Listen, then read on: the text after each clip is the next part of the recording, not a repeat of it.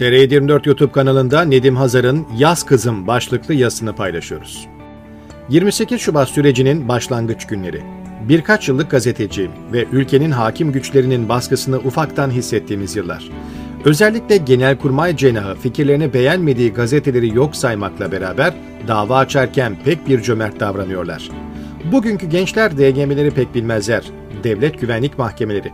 Türk hukuk sistemine ilk kez 1961 Anayasasına 1973 yılında eklenen bir maddeyle girmiş, 1982 Anayasasında yeniden getirilmişti.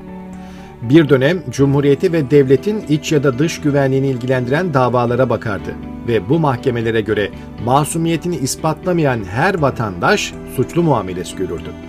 Hazırladığım bir yazı dizisi sebebiyle basın savcılığı beni bu mahkemeye sevk etti.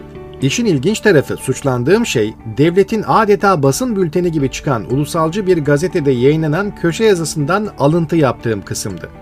Adalet yazıyı yazanı değil, açık kaynaktan bunu alıp paylaşanı yargılamak istiyordu. Tıfıl bir gazetecinin bu tür davalarda pek sahibi olmaz. Bu sebeple tüm süreçte kendi başımaydım.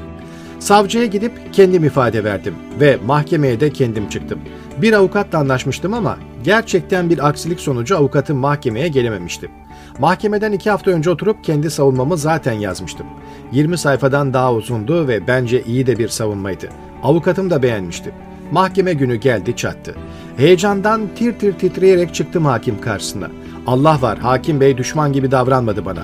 Hatta epey şefkatli bile sayılabilirdi.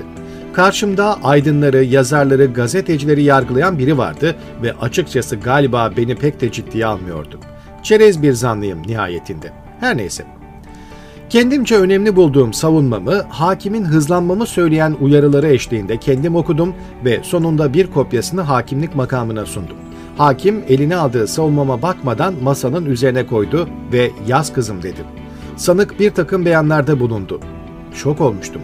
Kayda bile geçmemişti savunmam ve bir takım raporların vesaire gelmesi için mahkeme tarihi ertelendi. Epey süren yargılama aşamasında başka davalarla da karşılaştım ama o ilk davayı asla unutmayacağım. Aradan epey zaman geçti.